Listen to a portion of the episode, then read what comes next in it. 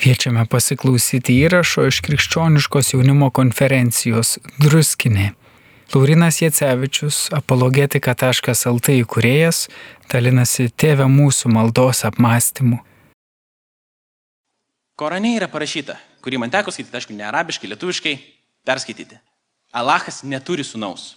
Čia yra didžiausia nuodėmė islame, yra vadinama širku, kas reiškia asocijuoti arba priskirti partnerių Alachui.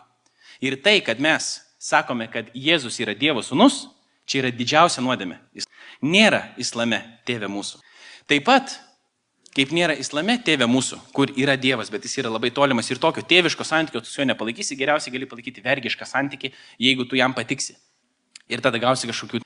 Jeigu mes imtumėm kitokias kokias nors pasaulyje žiūras, kuriuose nebūtinai net yra asmeniškas Dievas, tai į kokį tėvą tu gali kreiptis? Energija nėra nei tavo tėvas, nei mama, nei dar kas nors. Tėve mūsų, maldos šitie žodžiai, šita pradžia yra išimtinai krikščioniška. Niekur kitur jūs nieko panašaus nerasit. Nors tai mums atrodo kaip ir savaime suprantama. Dėl to šitie žodžiai, ir Paulius irgi sakė, kad šita malda yra tarsi sirupas, ir bandysim truputį pasiaiškinti, ką tas reiškia. Nes ten yra tiek daug visko, kad aišku, čia per vieną pusvalanduką nelabai ką išnekėsi, bet dėl to mes grįšim prie tų visų pasakojimų ir šita malda turi tapti mūsų gyvenimo malda, kuri veda prie kitų dalykų, kurie mus primena apie tėvišką Dievo charakterį ir veda mus į veiksmą. Bet dabar mes paskaitykim tą ilgesnę versiją iš uh, Mato Evangelijos, nes taip pat yra ir Luko Evangelijoje viešpatės malda. Uh, ir pradėkim nuo šeštos skyriaus penktos eilutės. Kai melžiatės, nebūkite tokie kaip veidmainiai, kurie mėgsta melstis stovėdami sinagogose ir aikštėse, kad būtų žmonių matomi. Iš tiesų sakau jums, jie jau atsiemė užmokestį. Kai tu panorėsi melstis, eik į savo kambarė, kambarėlį ir užsirakinės melskis savo tėvui, esančiam slaptoje, o tavo tėvas, regintis slaptoje, tau atlyginti. Melsdamėsi nedaug žodžiaukite, kai pagonys jie tarėsi būsė išklausyti dėl žodžių gausumo. Nedarykite taip kaip jie, jums dar neprašus, jūsų tėvas žino, ko jums reikia. Todėl melskite taip. Tėve mūsų, kuris esi danguje, tiesie šventas tavo vardas. Tai atinė tavo karalystė, tiesie tavo valia, kaip danguje, taip ir žemėje. Kasdienės mūsų duonos daug mums šiandien ir atleisk mums mūsų kaltes, kaip ir mes atleidžiame savo kaltininkams. Ir nemesk mūsų į pagundą, bet gelbėk mus nuo pikto. Jeigu jūs atleisite žmonėms į nusižengimus, tai jūsų dangiškasis tėvas atleis jums. O jeigu neatleisite žmonėms, tai ne jūsų tėvas neatleis nusižengimų. Kaip matot, nėra šokama tiesiai į maldą, dar yra toksai kaip ir preliudas, po to trumpas apibendrinimas ir šita viešpatės malda Mato Evangelijoje, kaip jau buvo irgi minėta, jinai yra kalno pamokslo kontekste, kurio, kaip Paulius sakė, tai yra tarsi dieviško, Dievo karalystės konstitucija. Ir prieš tai irgi yra daug sakoma, kad nedarykite taip, venkite daryti taip, bet elkitės taip ir tada tam ir tam priklauso tas ir anas. Dabar čia yra kaip reikia melstis, neselkite kaip pagonis, bet melskitės taip, jeigu jūs darysite taip, tada bus jums taip. Po to yra apie pasninką, jeigu pasninkaujate, pasitepkite savo galvą aliejumi, ne, nebūkite ten susiviepę, netokiais žodžiais parašyta, bet panašiai. Tada nesikraukite turtų, bet ir tiesiog, va, tokia yra struktūra, ne, to kalno pamokslo, kurį mes dabar čia skaitom. Pradedam truputį iš toliau ir po to eisim prie tos pačios maldos ir pabandysim po kiekvieną tą žodelį truputį pažiūrėti ir ten mano minčių originalių, konkrečiai žiūrint į viešpatės maldą. Nebus tiek ir daug. Aš daugiausiai remsiuosi Entiraito tokio teologo mintelėmis ir kažkiek, aišku, pridėsiu savo, tai jeigu kažkas nepatiks arba bus ne taip, tai Entiraitas pasakė, o tai, kas patiks, tikėtina bus mano pasakyti. Gerai. Kai melžytės, nebūkite tokie veidmainiai, kurie mėgsta stovėdami melstis sinagogose ir aikštėse. Gerai. Pirmiausia, Jėzus adresuoja religingus žmonės to laiko. Dabar tikėtina, kad mums tai yra pakankamai sunku suprasti dėl to, kad ne vienas iš mūsų norėdamas pasirodyti prieš kitus, neįs viešai melstis. Kaip tik norės eiti į savo slaptą kambarėlį, kad tik niekas nematytų. Ir jeigu kas nors pravers duris, tai dar ir nuo keliniukų greitai bus galima pašokti. Ne? Niekas nenori, kad pamatytų, kaip mes melžiamės, nebent va čia, šitoj va konferencijoje šitam kontekste, tada galbūt pradedam lenktyniauti ten, kieno rankos aukščiau pakilusios yra ir dvasingumas kieno yra didesnis. Bet šiaip iš principo toj kultūroje ne, um, ateistų beveik nebuvo ir um, tas malda viešoje aikštėje buvo tarsi parodimas, koks aš esu teisus, koks aš esu šventas ir kad su manimi yra viskas tvarkoje. Ir tada yra tie kiti, kurie neturi teisės arba negali taip ir panašiai. Tai pirmiausia yra religingi to laikmečio žmonės. Po to yra sakoma, kad nedaug žodžiaukite kaip pagonys. Pirma, neselkite kaip tie išorė religingi žmonės, kurie tik nori pasirodyti, bet viduje nieko nėra. O po to neselkite taip kaip pagonys. Ką pagonys daro? Jeigu žinote apie senovės pagonišką kultūrą, tai stabai būdavo ir labai fizinę formą įgaunantis dalykai. Pavyzdžiui, statulos dievų. Ne? Senovės žmonės nebuvo tokie kvailiai, jie tikrai negalvojo, kad daik, tas daiktas iš tikrųjų yra dievas. Ne? Jie buvo gudresni, negu mes galvojame, ne? bet tai buvo tarsi toks simbolis, tarsi kažkas, kuris įkūnija tą, ką jie garbina. Bet kadangi tas dalykas yra labai tampriai susijęs su garbinimo objektu, tos statulos būdavo įrengiamos, ir pamaitinamos ir panašiai. Dabar, kai Dievas sako, kad mano yra viskas, ne kaip Emas tada kalbėjo vakar. Jis sako, mano yra visi tie jaučiai, man nereikia tų deginamųjų aukų, jeigu aš būčiau alkanas, aš jūsų neprašyčiau mūsų pamaitinti. Galima įtarti, kad čia netgi yra dalis polemikos su pagoniška kultūra, kur dievai realiai būdavo maitinami. Jis supranta, kad statula nieko nesuvalgo, tas maistas yra atnešamas, taigi niekur jisai nedingsta, ne? nunešamas. Bet tai yra simbolika, tai yra tam tikras veiksmas, kuris įkūnija kažkokią gilesnę realybę. Mums Jėzus sako, ir savo mokiniams jis pirmiausia sako, jūs nedaug žodžiaukit ir neveidmainiaukit. Dėl to, kad pagonis galvojo, kad tuos, tuos dievus, kurie dažniausiai būdavo teritoriniai, jiems priklausydavo kažkokia vieta konkreti. Ne? Ir dėl to turėdavo tautos skirtingus dievus ir tai būdavo normalu. Ir jeigu užkariauja kažkas kitą tautą, tai tada galima tą dievą inkorporuoti savo uh, tą panteoną dievų. Kad jisai irgi būtų mūsų pusėje. Dabar krikščioniškas požiūris yra vėl visiškai kitoks. Jėzus sako, nesimaivikit. Jums nereikia kažkaip per aplinkui Dievo paveikti, sumanipuliuoti, kad jums duotų tai, ko jūs norite. Nes toks buvo pagoniškas mąstymas. Reikia kažkokius dalykus daryti ir kažkokių dalykų nedaryti, kad tie dievai parodytų mums malonę. Nenubaustų ir kažką duotų. Ir mes labai dažnai, įskaitant ir mane, vadovaujame šito pagonišku mąstymu. Kad mums reikia Dievui kažką padaryti ir kažko nedaryti, kad jisai mūsų nebaustų arba kažką duotų. Ir dėl to Jėzus sako, neveidmainiaukit. Tėvas jau ir taip žino, ko jums reikia, dar prieš jums ateinant melstis. Jisai yra jūsų tėvas, tai yra artimiausias santykis, ne šeimininis toks santykis. Ir jums nereikia manipuliuoti. Žinot, kaip nie, mums nepatinka, kai mumis manipuliuoja ir ypatingai, kai vaikai manipuliuoja tėvais, kaip tėvai greitai išriša visus šitos dalykus. Tai jis sako, nereikia šito. Aš tave myliu tokiu, koks tu esi, tu gali su manim kalbėti atvirai, mes pasikalbėsim, iš tikrųjų tau reikia, nereikia. Bet tai yra meilė paremtas santykis, o ne manipulacija ir ėjimų ratais ir bandymų kažkaip paveikti, kad kažką gautum arba kad išvengtum bausmės. Tai netoks yra Dievo charakteris. Jis yra tėvas, jis jau viską žino apie mus, mums nereikia maivytis, išsisukinėti, ten kažkokių gražių žodelių prisakyti daug, pat, jam pažadėti, kad kažkaip per vienai per kitaip nedarysim, atnešti jam pavalgyti, metaforinę formą. Nereikia.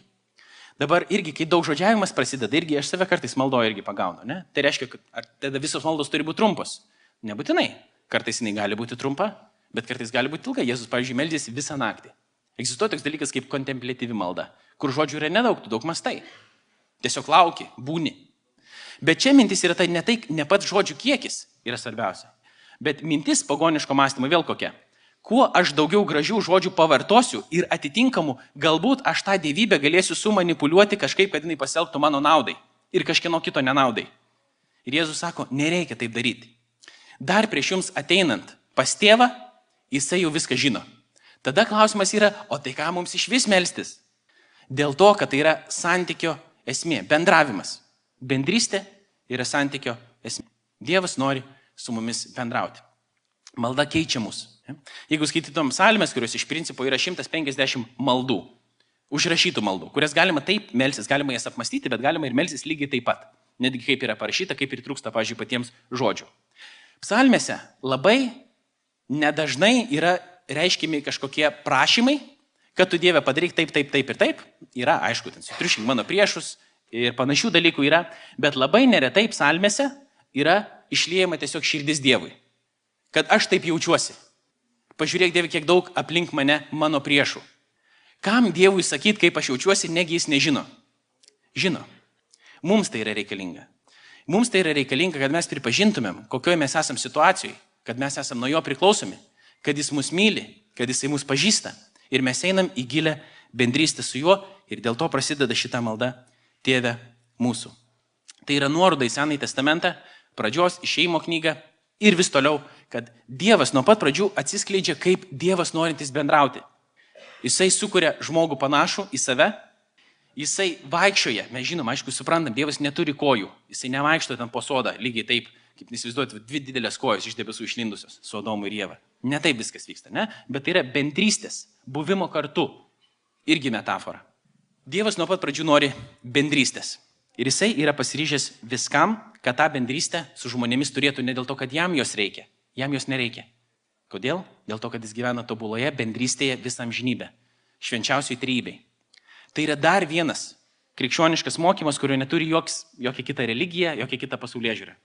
Dievas yra tobula bendrystė ir tėvas yra amžinai tėvas, sunus yra amžinai sunus.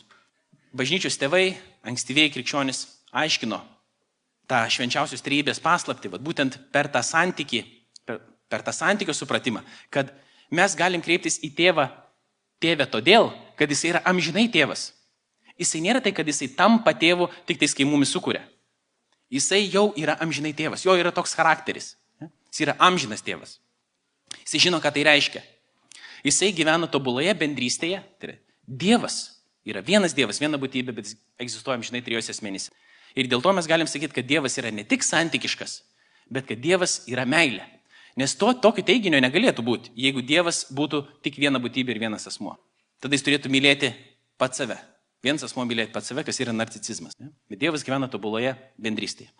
Jis įsukūrė žmonės ir nori jiems dovanoti pats save. Vėl, nieko tokio mes panašaus neturim jokio kitoj pasaulyje žiūrai. Kur tas visagalis, viso ko kuriejas, viso ko pradžia, jis yra ne tik asmeniškas, bet jisai nori save atiduoti į tų trapių žmonių rankas, ką galiausiai ir padaro.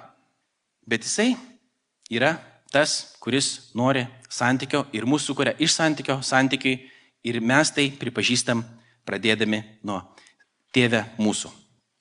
Dabar tiek Jėzaus laikų, tiek Senajame testamente, kur būdavo galimybė arčiausiai susitikti su Dievu. Arčiausia Dievo artumo patirti. Šventyklai. Tai šventykla buvo šventikla ir taip dar šventykloje viduje švenčių švenčiausioje, ne? Tas hotspotas vadinam iš Bible Project. Labai konkreti vieta. Čia mes jau turim tokią nuorodą tose žodžiuose tėvė mūsų, kad tu, sakydama šito žodžius, esi labai arti Dievo.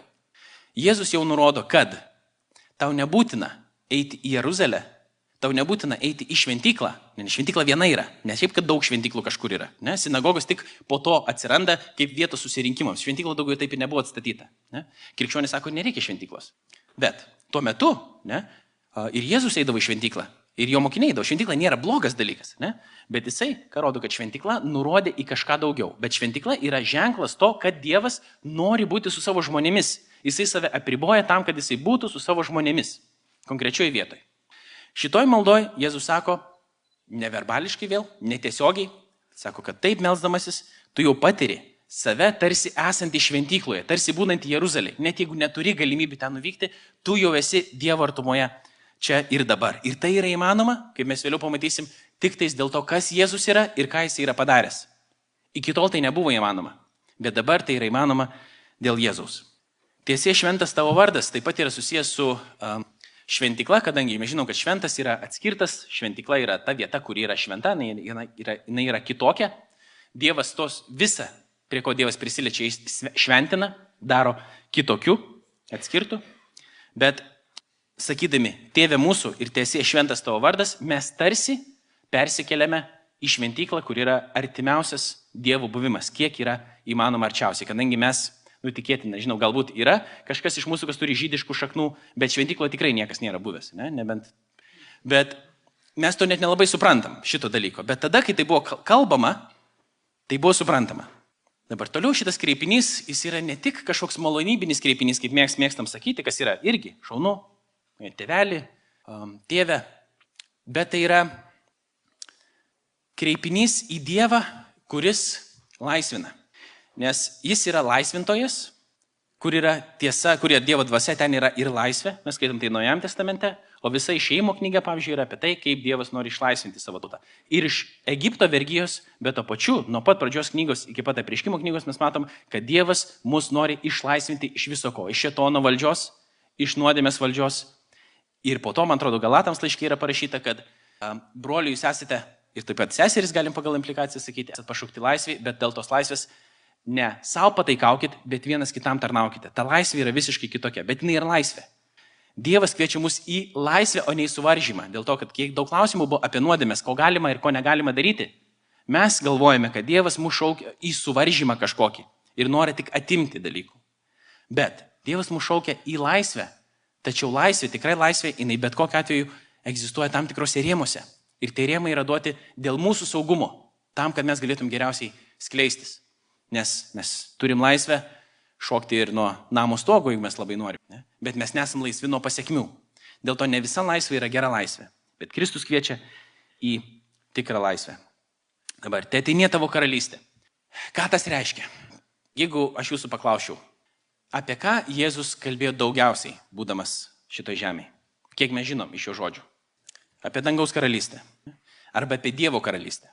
Mes galvom, kad daugiausiai jis kalbėjo apie tai, kaip reikia nueiti į dangų, kuris yra kažkur va ten viršui, ir mes kažkokiu būdu turim ten patekti. Bet situacija yra beveik priešinga. Klausimas yra, kaip būti Dievo karalystės dalimi, kuri ateina ir naujoji Jeruzalė, kaip apreiškimo knygui skaitom, jinai nusileidžia iš dangaus, Dievas ateina Kristuje, Dievas vaikšto pradžios knygoje Edono sodė kartu su žmonėmis. Ten, ta, beje, Edeno sodas taip pat yra tam tikro tipo šventikla. Ten yra irgi Dievo artumas ir dangus ir žemė persidengė. Bibliniai pasaulyje žiūrai, dangus ir žemė visą laiką persidengė, turėjo persidengti, bet dėl nuodėmės, dėl šitono klastos, dėl mūsų pasirinkimų, tas persidengimas yra, nu, įvykis yra atskirtis. Ir galiausiai dangus ir žemė vėl turi būti suvienita. Bet tas suvienimas vyksta ne tai, kad mes paliekam visą čia besimakaluojančią, tokią chaotišką kažkokią žemę ir nueinam ten pas Dievą, kur jisai sėdi kažkur ant debesės, kur viskas yra fainai bet kad mes laukiam ateinančios pilnai Dievo karalystės, kai bus atkurta visa nauja. Naujas dangus ir nauja žemė, kur aš neturiu žalio supratimo, kaip tai atrodys. Gerai, turiu žalio supratimą. Bet tik tais kaip. Žiūrėdamas į tai, ką darė Jėzus ir ką sakė Jėzus. Jisai sako, prisartino Dievo karalystę, jame atėjo Dievo karalystė. Kai jame atėjo Dievo karalystė, mes galim žiūrėti, kas vyko tada, kai Jėzus eina, kai jisai kalba, kai jisai veikia. Kas aplinky vyksta? Yra nuodėmės atleidžiamos.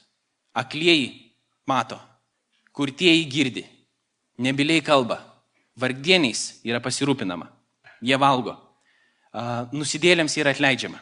Taip atrodo Dievo karalystė. Tai yra tikras dalykas, kuris jau prasidėjo kartu su Jėzumi ir mes, kaip krikščionys, Jėzus sakė, mes esame karalystės žmonės, kurie turime panašiai elgtis taip kaip jis ir tai, kas buvo papasakota dabar su ta moteriškė, aš neatsimenu jos vardo, neprimins, nesakė. Danguolė. Labai geras vardas, beje, čia į temą.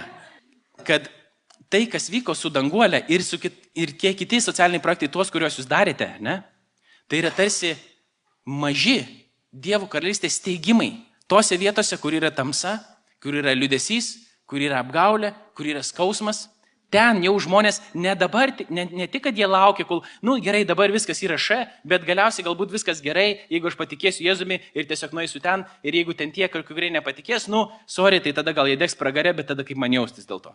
Nu, ne taip krikščionybė veikia. Ten mes matom, kad Dievo karalystė iš tikrųjų gauna tikrą pavydalą. Dabar, galiausiai, kai ta Dievo karalystė ateis, visa bus atstatyta, visi tie lūkesčiai, kuriuos mes, jeigu jie yra teisingi, kuriuo mes laukiam, ne, kad būtų įvykdytas teisingumas. Taip galiausiai ir bus. Visa bus atstatyta. Kai Dievo karalystė išsipildys, kai jinai ateis su visa šlove. Ir tada klausimas yra, ar mes busim tos karalystės piliečiai ar ne.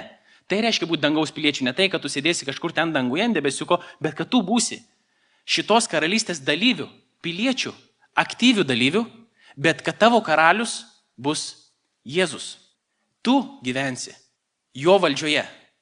Ir ne visi, čia dabar vėl dar yra truputį atsakymas į tai apie tą pragarą, kodėl kai kurie žmonės nenori būti su Dievu. Dėl to, kad gyventi Dievo karalystėje Būti dangaus karalystės piliečių reiškia pripažinti, kad ne aš esu viešpats. Ne Cezaris, ne karalius kažkoks kitas yra viešpats. Ne kažkokie stabai yra viešpats. Bet Jėzus yra viešpats ir aš esu po jo valdžia. Ir ne visi to nori. Ne? Čia yra nuodėmės esmė norėti savo valdžios. Skaitom apie tą gėrio blogio pažinimo medį, visus tos kitus dalykus pradžios knygai, kuriuos puikiai jūs žinote. Tai mes, kai melžiamės, kad ateinė, te ateinė tavo karalystė, mes melžiamės, kad įvyktų realus kažkoks pokytis dabar jau šitam pasaulyje, bet to pačiu, kad tas pokytis negali įvykti, mes utopijos nesukursim čia jokios, bet galiausiai visa bus atstatyta ir Dievas iš tikrųjų bus viso ko karalius, nes dabar daug tų netikrų karalių yra uzurpavę jo vietą, tai yra pavogę, atėmė jo vietą. Ten seksas, pinigai, turtai, mūsų pačių pasirinkimai, kas tik nori. Ne? Bet tie dalykai yra pavogę Dievo vietą, jie karaliauja. Ir mes turim, dalyvaudami tame Dievo karalystės darbe, sakyti ne. Mes neprisieksim šitiem visiems dievam. Mes neprisieksim šitiem karaliam. Yra vienas tikras karalius. Ir mes norim gyventi jo valdžioje ir mes gyvensim taip, tarsi Jėzus jau dabar yra karalius ir galiausiai, kai jisai ateis, visa bus atstatyta ir mes busim tos karalystės piliečiai. Mes norim tos karalystės piliečiais būti ir visi kiti, kurie juo patikės, kurie priims jo auką ant kryžiaus, kurie priims jo atleidimą ir kurie išpažins į viešpačių, tie irgi bus tos karalystės piliečiai. Taip kad tas ėjimas į dangų tai yra žymiai tikresnis ir gilesnis dalykas, negu mes galime įsivaizduoti. Ir tai mums byloja Jėzus prisikėlimas, kur Velykos, tai didžiausia šiaip krikščioniška šventė turinti būti, kai Jėzus, kaip pirmasis vaisius to, to prisikėlimo, jisai parodo, ne, toks irgi tarsi žvilgsnis į tai, kas bus galiausiai. Ta tokia šlovinga prigimtis, kad mes ne visą laiką sielinių pavydalų kažkaip būsim su Jėzumi. Apie, ką, apie tai yra labai mažai kalbama šventame rašte. Yra kažkiek, kad mes jeigu numirsime, būsime su Jėzumi, jeigu jo pasitikėm ir priemėm jo atleidimą. Bet nelabai daug ką. Daugiau visas naratyvas, visas pasakojimas eina apie tai, kaip bus naujoji karalystė. Apreiškimo knyga, žiauriai komplikuota, aš ten irgi labai daug ko nesuprantu, ne? bet kažkokie va tokios yra užuomenas, kad va kaip kažkaip bus, kad liūtas su eriuku kartu suguls. Tai mes įsivaizduojam dabar, kad, nu, iš tikrųjų, va, tai fiziškai neliūtai, eriukai kartu gulės. Nu, galbūt ir tai bus, aš nežinau. Bet iš principo čia yra toksai įvaizdis tos gilesnės realybės, kad tas pyktis kažkoks, um, vienas kito ėdimas, ne, tautos visos pašlovins kartu. Gali būti ir tai tautų įvaizdis, ne, kad vienos tautos ir kitos tautos jos daugiau nebekariaus, nebesipyks. Galiausiai bus Dievo teisingumas įgyvendintas. Ir šabas yra tarsi toksai nedaug aš apie šabą suprantu, bet kiek suprantu arba kiek teko domėtis, kad tai yra tarsi diena, kurioje Dievo, karali, kurioje dievo karalystė mes galim patirti jau dabar. Ką reiškia, kai Dievas yra iš tikrųjų karalius, kur yra ramybė, džiaugsmas ir gilus santykis, apie ką mes ir kalbėjome. Santykis. Tai šabas turėtų būti ne šiaip tiesiog vat, kažko neveikti, ne? bet tai yra toksai gilus Dievo artumo išgyvenimas, kai Dievas yra karalius ir yra taika ir ramybė, ta vadinama Dievo šalom yra pasaulyje. Ir tai yra tarsi toksai mini žvilgsnis į tai. Tai mes melžiamės, kad ta Dievo karalystė ateitų. Taip pat vienoje vietoje šventajame rašte yra palikti tie aramėškas tas žodis maranata, viešpatė ateik. Mes šaukiamės, kad viešpatė ateik, kad tavo karalystė ateik. Bet ta karalystė neteina su teismu. Dabar, kai mes įsivaizduojam teismą, mes galvom tik tais irgi apie baudimą. Bet teismas yra visų dalykų atstatymas, teisingumo įvykdymas. Tai taip, kas yra padaryta negerai, tas bus nubausta. Bet kas buvo, įvyra vykas kažkoks išnaudojimas, ne? Tai bus atstatyta. Bus tie žmonės pagosti, kurie buvo išnaudoti, kurie buvo pražiūrėti, kurie prarado artimuosius. Tie dalykai, čia yra irgi teismo dalis. Bus įvykdytas teisingumas, nes Dievas yra karalius.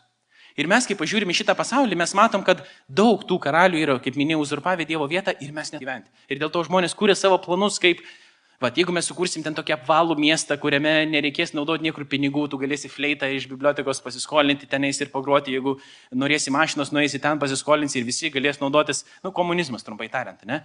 Ir, ir viskas bus tobula. Bet mes žinom, kad taip nėra. Dėl to, kad žmogus yra pažįstas. Žmogus yra sudužęs, žmogus yra, nu, pasiligojęs. Mes turim tai pripažinti. Ir jeigu mes to nepripažįstam, mums nereikia nei gelbėtojo, mums nereikia nei karaliaus, Mums nereikia nei tėvo, kuris mumis rūpintųsi. Bet mes ateinam, va tie, kaip tos išmaldos prašytojai, kad tėvė mūsų, išpažįstam jo šventą vardą, melžiamės jo karalystės ir tada sakom, kasdienės duonos duok mums šiandien. Vėl tas buvo žodis šiek tiek aptartas jau, kad gali būti tai virš prigimtinės, virš esmės duonos, bet to pačiu, kadangi čia yra toks sirupas ir tokia tiršta ta malda, ne, tai jeigu mes galėtume ją taip labai greitai pum įsiaiškinti per pusvalandį, tai daugiau galėtume niekada prie jos negrįžti, taip pat kaip ir su bet kokiu kitu Biblijos tekstu. Bet ten yra labai daug visko. Ne? Tai ten eina kalba, man atrodo, mano supratimu, apie tą visokią duoną. Kadangi mes esam kūniški, ne, mums reikia tą kūną pamaitinti kažkaip. Ir Senajame testamente mes irgi skaitom, kad buvo duota izraelitams manos, kažkokio fizinio dalyko, to, kurio jiems, kurio jiems reikėjo pavalgyti, ne, ne, nes jie alko. Kai jie buvo ištroškę, jiems buvo duota vandens, tai aišku, prigrybavo daug hebra, bet nieko, ne? bet buvo tokie dalykai duoti. Bet galiausiai Jėzus sako, to jums neužtenka, jums reikia kitokios duonos. Ir jisai pats nurodo į save, kad aš esu gyvenimo duona.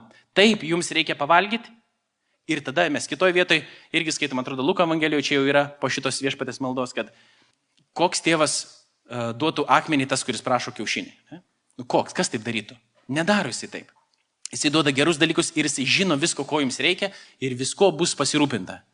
Bet nepamirškit, kad yra tos gilesnės duonos, kurios mums reikia, kurios taip parduotuvį nenusipirksi. Bet po to vėl prisimenam Senojo testamento vietas, kur ateikit ir pirkit be pinigų gausit.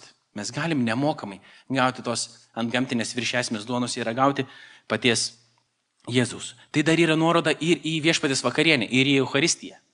Taip vadinama, vienose ratose Euharistija, kitose ratose viešpatės vakarienė. Tai sako, prie viešpatės stalo prieikime. Ne? Evangelinėse ratose mes eh, mažokai, retokai tą praktiką užsiem. Iš tikrųjų, vieną kartą per mėnesį dažniausiai. Bet Euharistija yra rimtas įvykis. Ir netgi viešpatės malda, tai tėvė mūsų, jinai nurodo irgi tai, kad ten yra kažkas tikro, taip pat vyksta. Aš čia dabar neįsiu į teologiją ir ten mano ar kažkieno kito įsitikinimus, bet kad ne veltui tai yra likę. Kokia be būtų denominacija, vis dėlto ne, turi viešpatės vakarienę ir krikštą. Ne? Viešpatės vakarienė yra svarbus dalykas ir mes joje dalyvaudami tam tikrą prasme dalyvaujame ir šitoj maldoj, šitoj vietoj. Dabar, kai mes skaitom kasdienės duonos duok mums šiandien. Arba kai po to kita vieta atleisk, kaip ir mes atleidžiame savo kaltininkams, mums turi pradėti sproginėti saugikliai, arba tiksliau tokie čiuptuvai lysti iš smegenų ar iš širdies ar iš kur norit į kitas Biblijos vietas, jeigu mes esam skaitę Bibliją ir prisiminti, kur buvo dar duona. Kasdienės duonos daug mums šiandien. Kur dar buvo duona Naujam testamente? Evangelijose konkrečiai. Stebuklas. Jėzus padaugina duoną, ne? Ir ne kartą.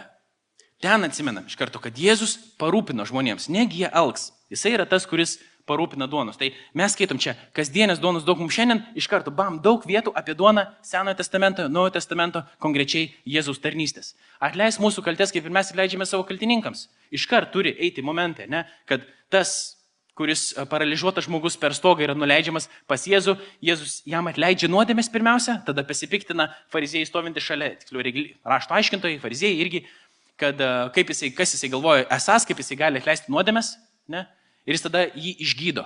Ir kitoj vietoj e, Jėzus palyginimas apie tą, kuris, e, kuriam buvo, kuris buvo skolingas valdovui, jisai maldauja valdovo, kad jam atleistų tą jo skolą, tą jo kaltę tam tikrą prasme, bet irgi čia gali būti vertimas, irgi bent jau kaip Antiraitis aiškina, ir kaltė ir skola, jie tie abu žodžiai yra tinkami, jie turi skirtingus atspalvius ir jie abu yra naudotini. Ne?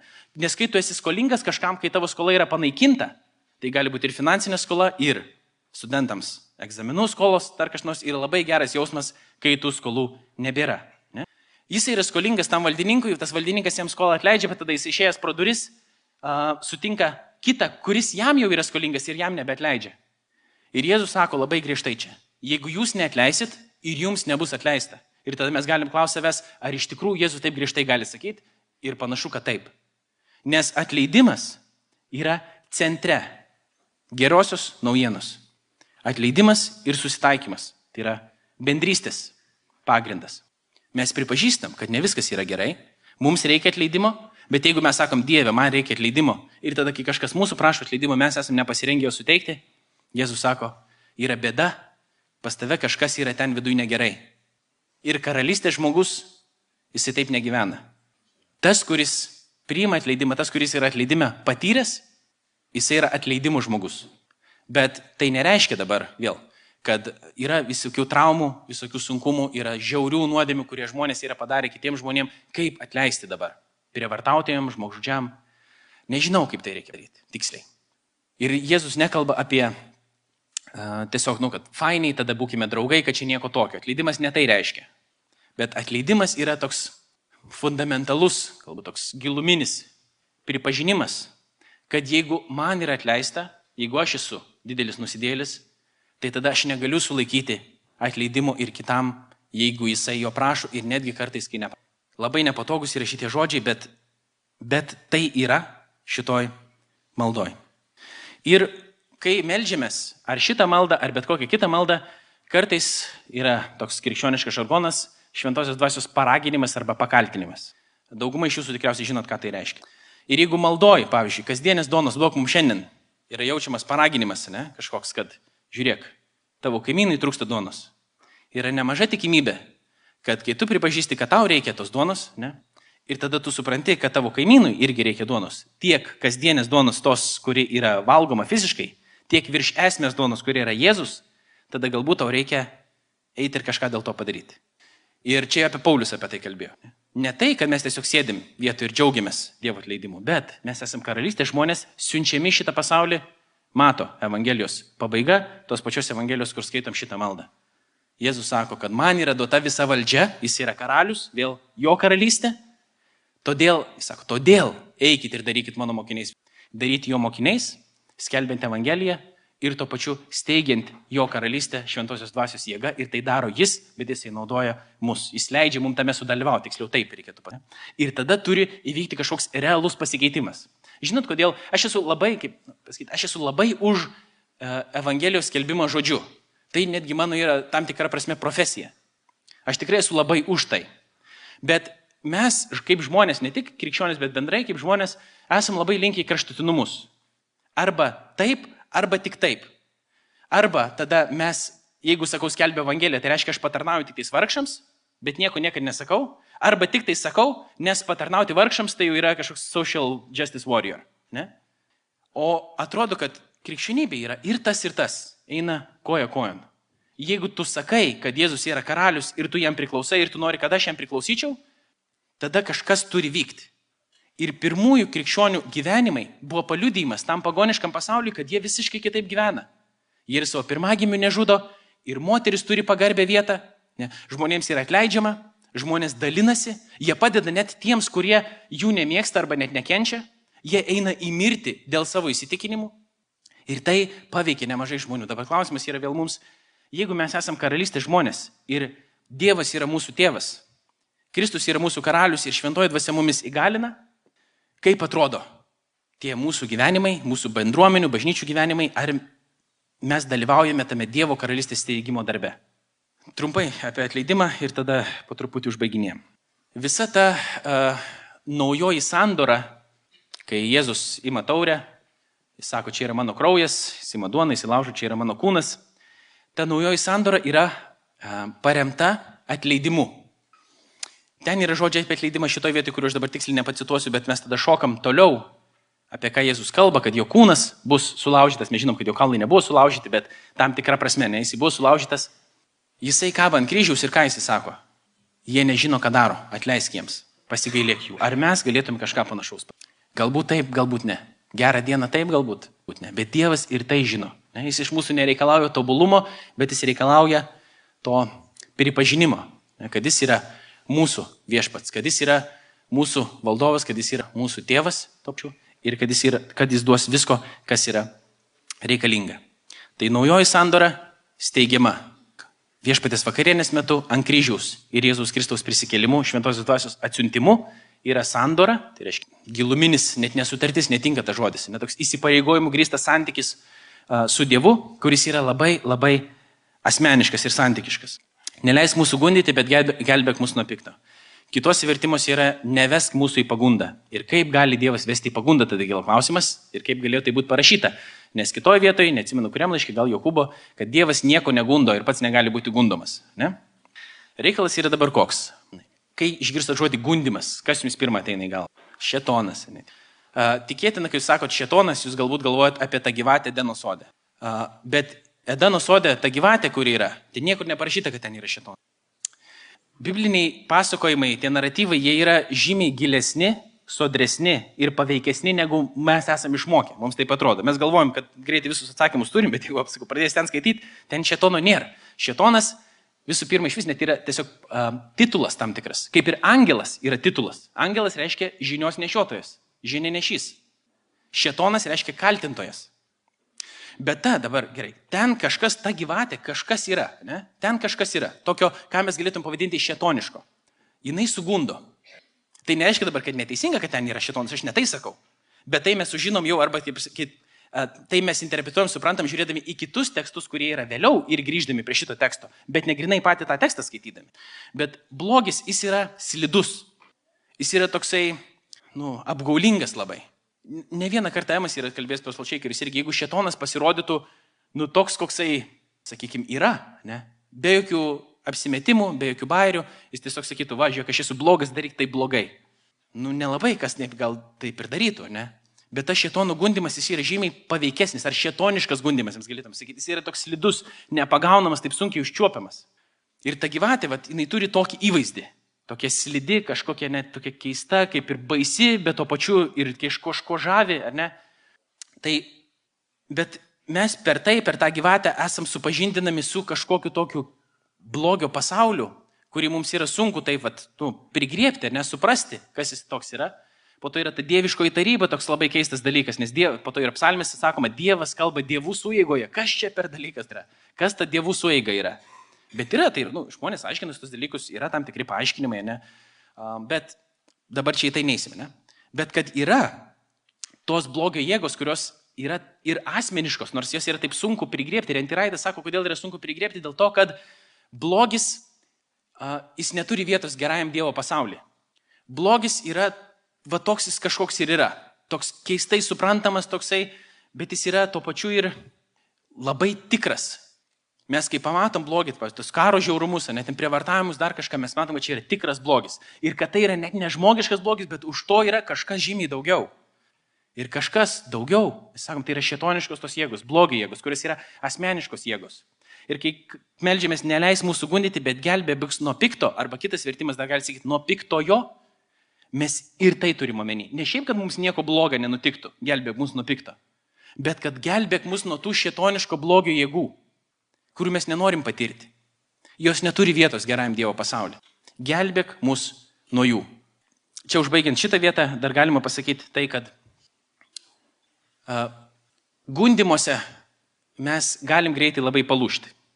Mums tik atrodo taip, ir Paulius, aš jau citavau šiandien tai, apaštalas Paulius sako, kad kas stovite žiūri, kad nenupultų.